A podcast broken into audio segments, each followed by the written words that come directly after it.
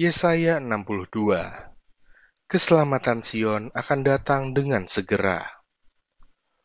Oleh karena Sion, aku tidak dapat berdiam diri, dan oleh karena Yerusalem, aku tidak akan tinggal tenang. Sampai kebenarannya bersinar seperti cahaya, dan keselamatannya menyala seperti suluh. Maka bangsa-bangsa akan melihat kebenaranmu, dan semua raja akan melihat kemuliaanmu dan orang akan menyebut engkau dengan nama baru yang akan ditentukan oleh Tuhan sendiri. Engkau akan menjadi mahkota keagungan di tangan Tuhan dan serban kerajaan di tangan Allahmu.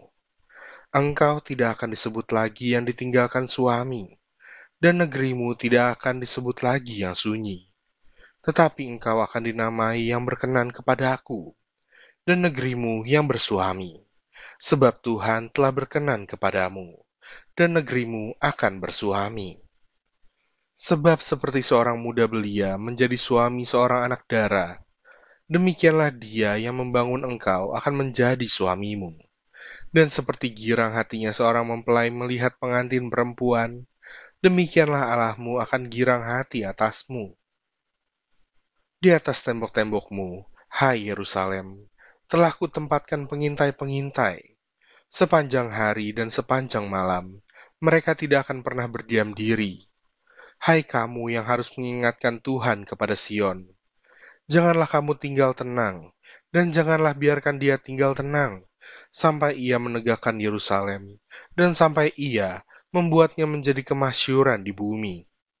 Tuhan telah bersumpah demi tangan kanannya, demi tangan kekuatannya.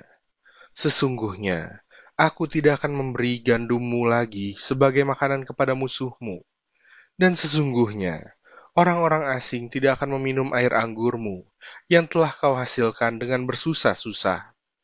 Tetapi orang yang menuainya akan memakannya juga dan akan memuji-muji Tuhan. Dan orang yang mengumpulkannya akan meminumnya juga di pelataran-pelataran tempat kudusku. Berjalanlah, berjalanlah melalui pintu-pintu gerbang, persiapkanlah jalan bagi umat, bukalah, Bukalah jalan raya, singkirkanlah batu-batu, tegakkanlah panji-panji untuk bangsa-bangsa.